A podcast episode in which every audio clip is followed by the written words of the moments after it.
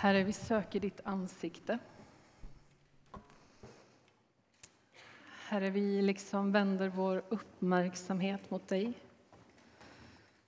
Tack att vi kan göra det i full förvissning att din uppmärksamhet just nu är riktad mot oss. Och det betyder att våra blickar kan mötas. Herre, vi söker dig för vi behöver dig. Vi söker dig därför att vi vill se mer vem du är. Vi söker dig så att du ännu mer ska kunna sätta ditt avtryck på oss. Vi söker dig därför att din församling är ingenting utan dig. Vi söker dig därför att du är alltings ursprung och alltings mål. Vi söker dig därför att du har sagt det. Vi söker dig därför att du har gjort allt för att vi ska kunna komma till dig. Vi söker dig, Herre. Vi söker dig därför att din närvaro är mer värt än allt annat. Vi söker din kraft, Herre. Och vi ber, ge dina tjänare frimodighet. Vi söker dig, Gud, för att vi vill be dig om dig, om mer av dig själv.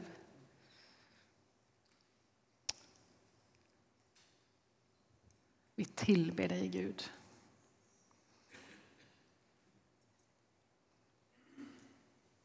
Tala till oss, Herre. Tala till oss som församling vad du vill med oss och tala till oss som enskilda. Tala tröst, tala hopp, tala livsinriktning.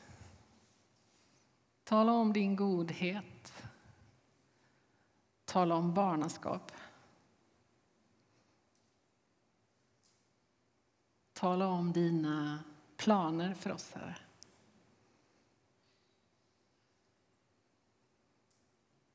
Viska till oss just nu, Herre.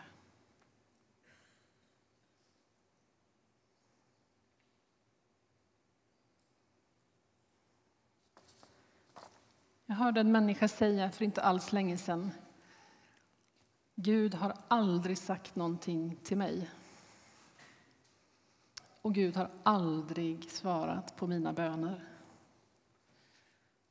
Jag kan nog inte föreställa mig något mer hjärtskärande uttalande. Det var ingen här, så ni behöver inte bekymra er. Så. Jag tänker att vi alla på något sätt brottas med det där, tid för annan kanske. Att, ja, men Gud kanske har något till alla andra. Han kommer med sin kraft till alla andra. De starka tilltalen, de är aldrig till mig. Men Gud är här och han har något för oss alla. När jag var tonåring så trodde jag inte jättemycket om mig själv i termer av hur andlig jag var eller hur använd av Gud jag var eller så. Jag tänkte hela tiden att jag behövde kanske få förbön en gång till för att liksom, jag vet inte, bli något i Guds ögon eller bli fylld till slut så att det skulle bli något med eller jag vet inte riktigt. En vag känsla av att det i alla fall inte räckte. Och så helt plötsligt, när jag är kanske 19 eller 20 år, så kommer en människa till mig och profeterar över mitt liv så att jag bara fullständigt blir helt knockad. Nu säger inte jag att det är det som behövs för att man ska få en annan känsla eller annan syn. Men det hände och jag var inte ett dugg mer andlig eller mer använd eller någonting annat, liksom just den där gudstjänsten, än vad jag hade varit någon annan gång. Det handlar inte om det. Men Gud i sin nåd ibland sätter en sån här spotlight på just dig eller just mig. Det är som att vi får en, en extra present. Liksom. Och nu är vi här allesammans idag. Och min teologi och min övertygelse är att Gud talar och han gör det till alla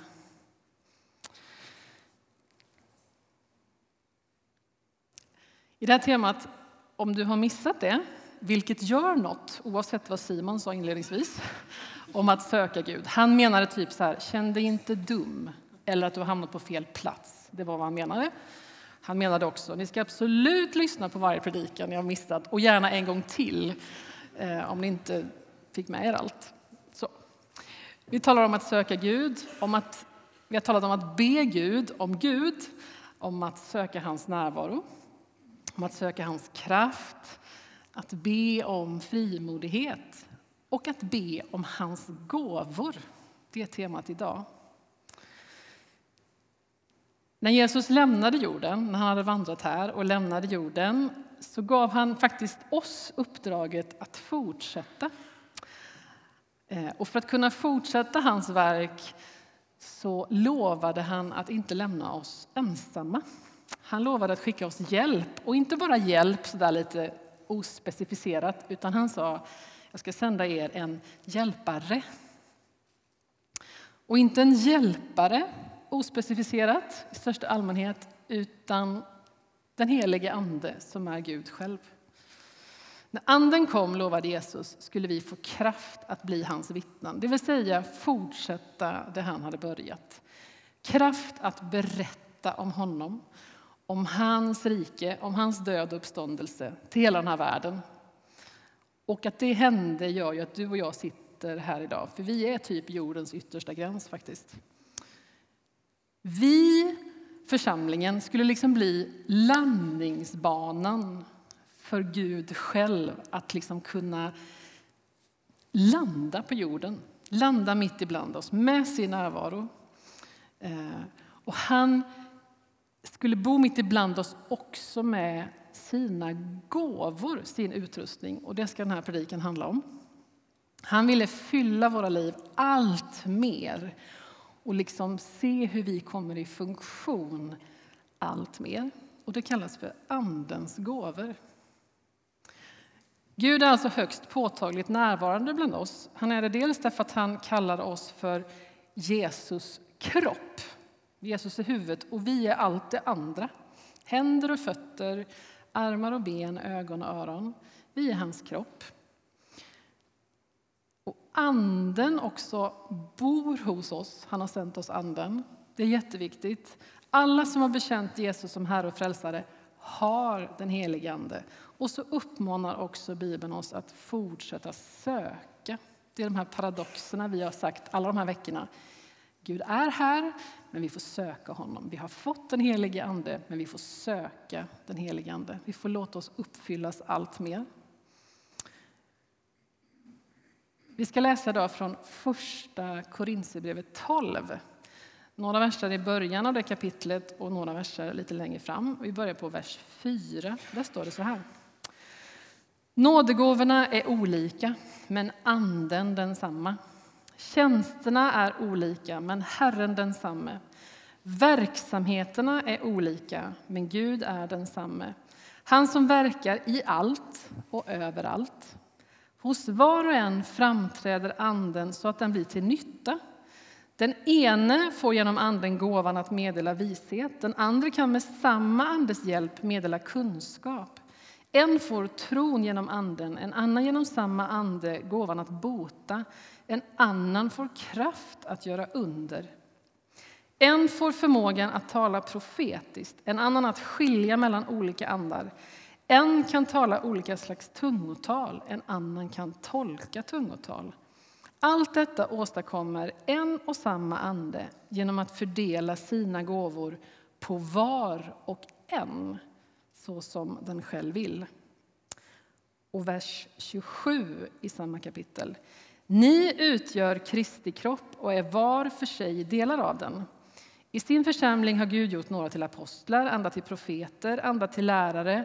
Åt några har han gett gåvan att göra under, att bota sjuka, att hjälpa, att styra, att tala olika slags tungotal. Kan alla vara apostlar, eller profeter, eller lärare? Kan alla göra under eller bota sjuka? Kan alla tala med tungor eller tolka sådant tal? Nej, men sök vinna de nådegåvor som är störst. Och då ska jag visa er en väg som är överlägsen alla andra. Paulus använder tre begrepp i början på den här texten för att uttrycka att det finns en mångfald av gåvor. Det första är nådegåvorna. Ordet betyder precis vad det säger. Det är en gåva av nåd. Och ordet har egentligen att göra med allt det som Gud ger om nåd. Paulus verkar inte skilja på gåvor som är lite mer av det övernaturliga slaget och det som kan tyckas vara ganska allmängiltiga begåvningar. Betoningen ligger helt enkelt på att vi får av Gud, av nåd, utan att först ha förtjänat det. Det andra begreppet i texten är tjänsterna. Det ordet är det ordet som har blivit vårt ord diakoni, det vill säga att hjälpa, att tjäna, att betjäna, att göra tjänster. Det ordet används brett i Nya testamentet om alla möjliga slags tjänster och insatser. Det tredje begreppet är verksamheterna. Och då menas inte i första hand att vi har en massa verksamheter här i kyrkan utan i en del översättningar har man använt ordet kraftgärningar. Mikael Telbe, som en del av er vet vem det är, han är teolog på vårt samfunds skola, Örebro Missionsskola. Han är också pastor, eller har varit pastor och skribent och allt möjligt. Han uttrycker det så här när han kommenterar de här verserna. Genom begreppen nådegåvorna, tjänsterna och verksamheterna uttrycks tre grundläggande sanningar om de gåvor som den treenige guden ger. De ges av nåd, de syftar till att betjäna andra och de är uttryck för Guds kraftfulla aktivitet i församlingen. De ges av nåd, de syftar till att betjäna andra och de är ett uttryck för Guds kraftfulla aktivitet i församlingen. Och då tänker jag att Andens gåvor blir på något sätt liksom verktygen eller liksom kanalerna eller att vi kan konkretisera det vi har talat om under det här temat. Inte bara kraft där i största allmänhet utan det liksom får sitt utlopp genom någonting och det är de här gåvorna. Guds kraft är liksom inte bara ett sorts flummigt moln som vilar över oss som ett dallrande kraftfält. Utan det behöver liksom få utlopp konkret så att det kommer människor till del. Guds kraft är rörelse och riktning.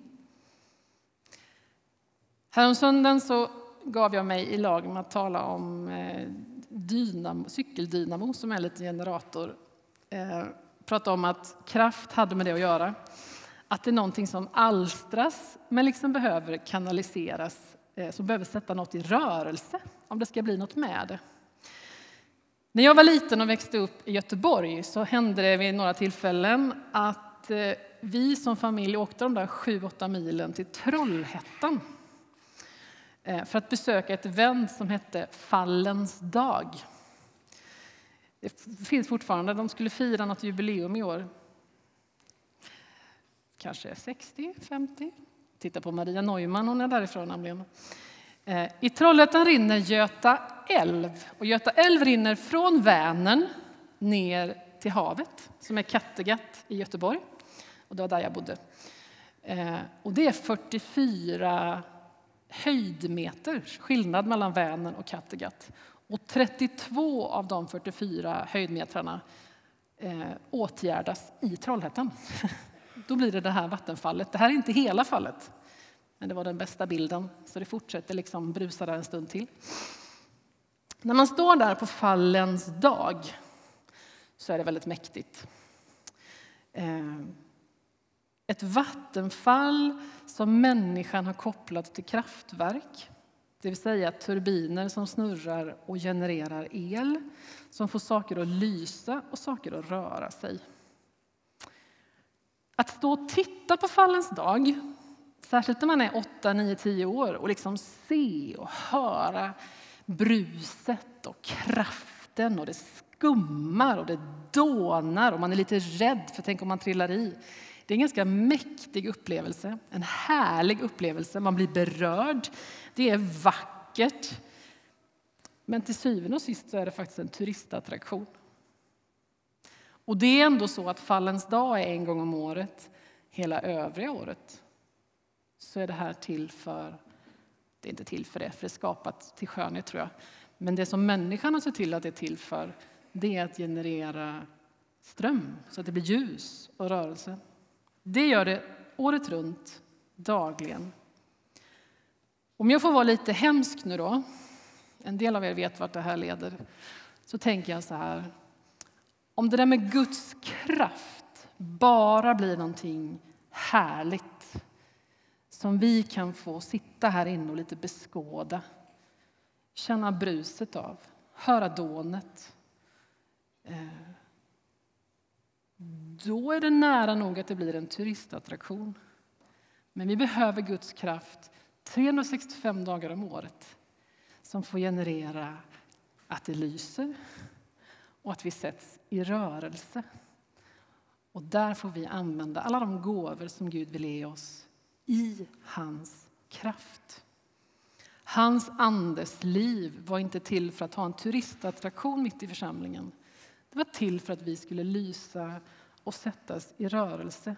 För att Gud själv skulle kunna bo bland oss och så att vi skulle kunna vara hans kropp till den här världen. Därför har han kommit.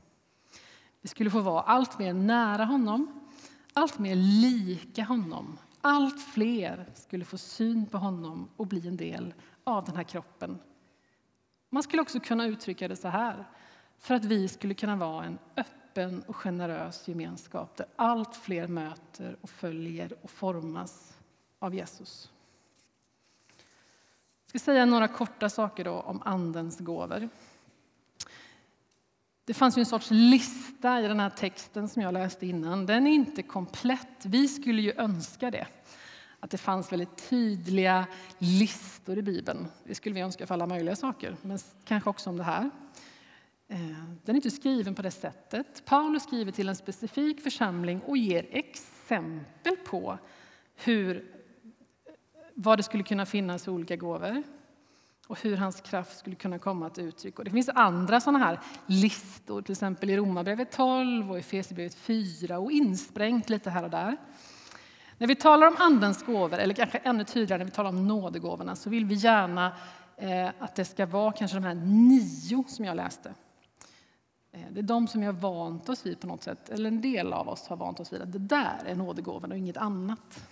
Men det är inte så. Det är inte en komplett lista. Eh, senare i det här kapitlet så nämner Paulus liksom en sorts blandning från flera listor om du kan de här bibelställena. Han skriver så här i vers 28. I sin församling har Gud gjort några till apostlar, andra till profeter, andra till lärare. Åt några har han gett gåvan att göra under, att bota sjuka, att hjälpa, att styra och att tala olika slags tungotal. Och så gör också Paulus i Romarbrevet 12. Där blandar han. Han talar om kroppen och att alla har fått gåvor. Och så listar han några exempel på det. Ty liksom vi har en enda kropp men många lemmar, alla med olika uppgifter, så utgör vi, fast många, en enda kropp i Kristus. Men var för sig är vi lemmar som är till för varandra. Vi har olika gåvor, allt efter den nåd vi har fått. Profetisk gåva i förhållande till vår tro, tjänandets gåva hos den som tjänar, undervisningens gåva hos den som undervisar, tröstens gåva hos den som tröstar och förmanar, gåvan att frikostigt dela med sig att vara nitisk som ledare och att med glatt hjärta visa barmhärtighet. Paulus verkar vara ganska avslappnad och blandar hejvilt. Det finns oändligt många sätt att tjäna Gud och att tjäna varandra och den här världen. Det är tillsammans det blir komplett. Det är av nåd och det är när Gud lägger sin liksom helige andes kraft till som vi kommer i rörelse och människor runt oss får en smak av ett annat rike. En Gud som verkar i vår tillvaro och som på riktigt kan gripa in i våra liv. Jag vill också säga att alla har gåvor. Ingen är utan. Vi har olika gåvor, allt efter den nåd vi har fått i Romarbrevet 12. Tjäna varandra var och en med den nådegåva han har fått i Första Petrusbrevet. Hos var och en framträder Anden så att den blir till nytta. Allt detta åstadkommer en och samma ande genom att fördela sina gåvor på var och en. Vi kan såklart vara osäkra på vår egen funktion av olika anledningar, på vår gåva, på vår begåvning. Men vi har fått och Gud vill ge. Vi kan behöva upptäcka, vi kan behöva be, sträva till och med, skriver Paulus. Vi kan behöva söka, men Gud vill ge till var och en. Sen är det ingen som kan skryta med att kunna allting och ha alla gåvor, såklart. Och det finns heller ingen gåva som alla nödvändigtvis skulle behöva ha. Paulus trycker på det så det nästan blir övertydligt när han talar om kroppen. Det behövs ju inte tusen fötter i den här församlingen. Hur skulle vi då veta vart de ska springa? Vi är inte oss själva nog. Vi är en del i något större. Jag läser igen. I sin församling har Gud gjort några till apostlar, andra till profeter, andra till lärare.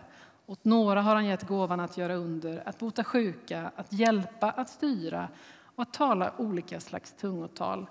Och sen är han lite retorisk och kanske ironisk, vi vet inte. Kan alla vara apostlar eller profeter eller lärare? Kan alla göra under eller bota sjuka? Kan alla tala med tungor eller tolka sådant tal? Ingen gåva är just ensam superandlig som alla måste ha. Och ingen har alla. Vi behöver varandra. Sen tänker jag också att det här med vilka gåvor vi har, vilka gåvor vi har upptäckt, det är inte statiskt. Och det är jätteviktigt.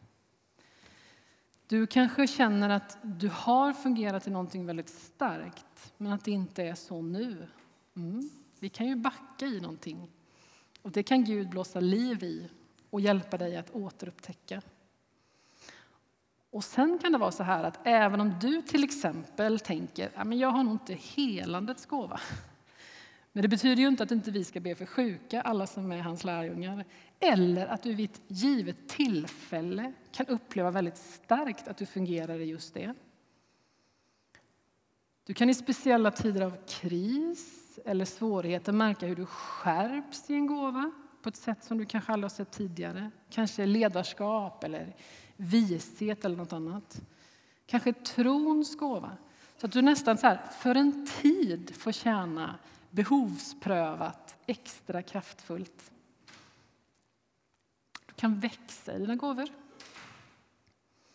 Du kan söka dig till nya situationer, nya utmaningar för att liksom ta kliv i något som du längtar efter. Du kan läsa på, lyssna, be, prata med din cellgrupp, testa och du kan växa. Du kan hamna i ett helt nytt sammanhang där kombinationer av människor och gåvor gör att någonting hos dig blommar som du kanske inte visste var där. Någonting som har slumrat ett tag kan få vakna igen. Vi får söka Andens gåvor.